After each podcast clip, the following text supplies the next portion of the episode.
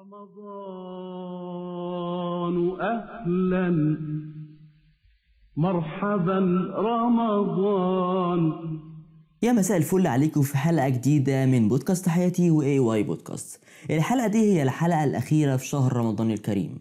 زي ما متعودين إن إحنا بنتكلم عن مواضيع بتهم كل واحد فينا. وهو حاجة من أهم الحاجات اللي تهمنا كلنا وهي نتيجة الحاجات اللي إحنا اتعلمناها مع بعض خلال الشهر ده. ما اقصدش طبعا في رمضان بشكل عام ولكن أقصد في الثلاث حلقات اللي فاتوا من البرنامج بتاعنا. وده اللي هنتكلم عنه ولكن بعد الفاصل. الذكر فيك يطيب والقرآن.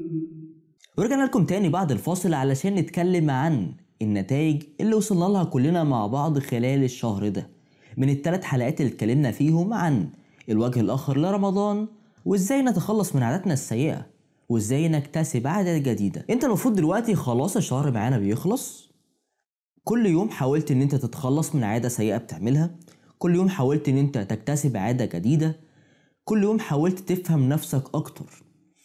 المفروض خلاص والشهر بيخلص يكون عقلك ده أدرك المعنى الكامل لجملة إزاي يتحكم في نفسه. إزاي يقدر يكتسب عادات جديدة ويتخلص من عادات تانية سيئة. في نهاية الشهر.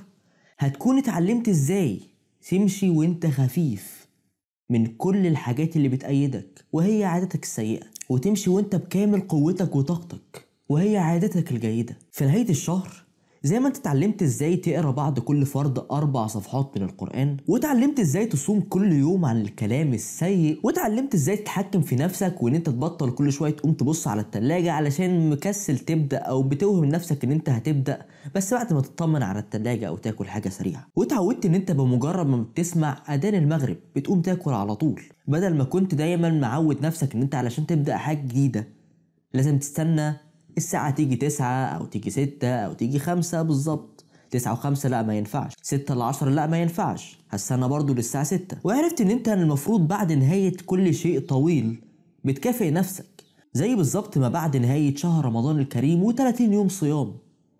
هتلاقي فيه جاي لك يوم العيد. اللي أنا كنت عايز أوصله لك خلال الشهر ده إن الشهر ده مش مجرد شهر عادي.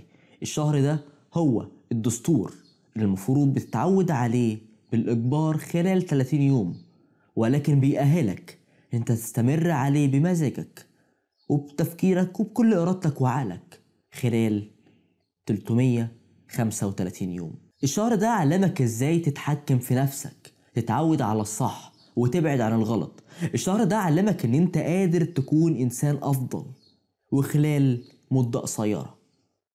كل ده خلال 30 يوم ما بالك؟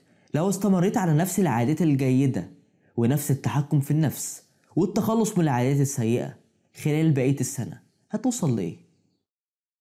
عايز أطمنك وأقول لك إن أنت هتكون إنسان أحسن وأفضل وجيد بشكل أنت نفسك مش هتتوقعه.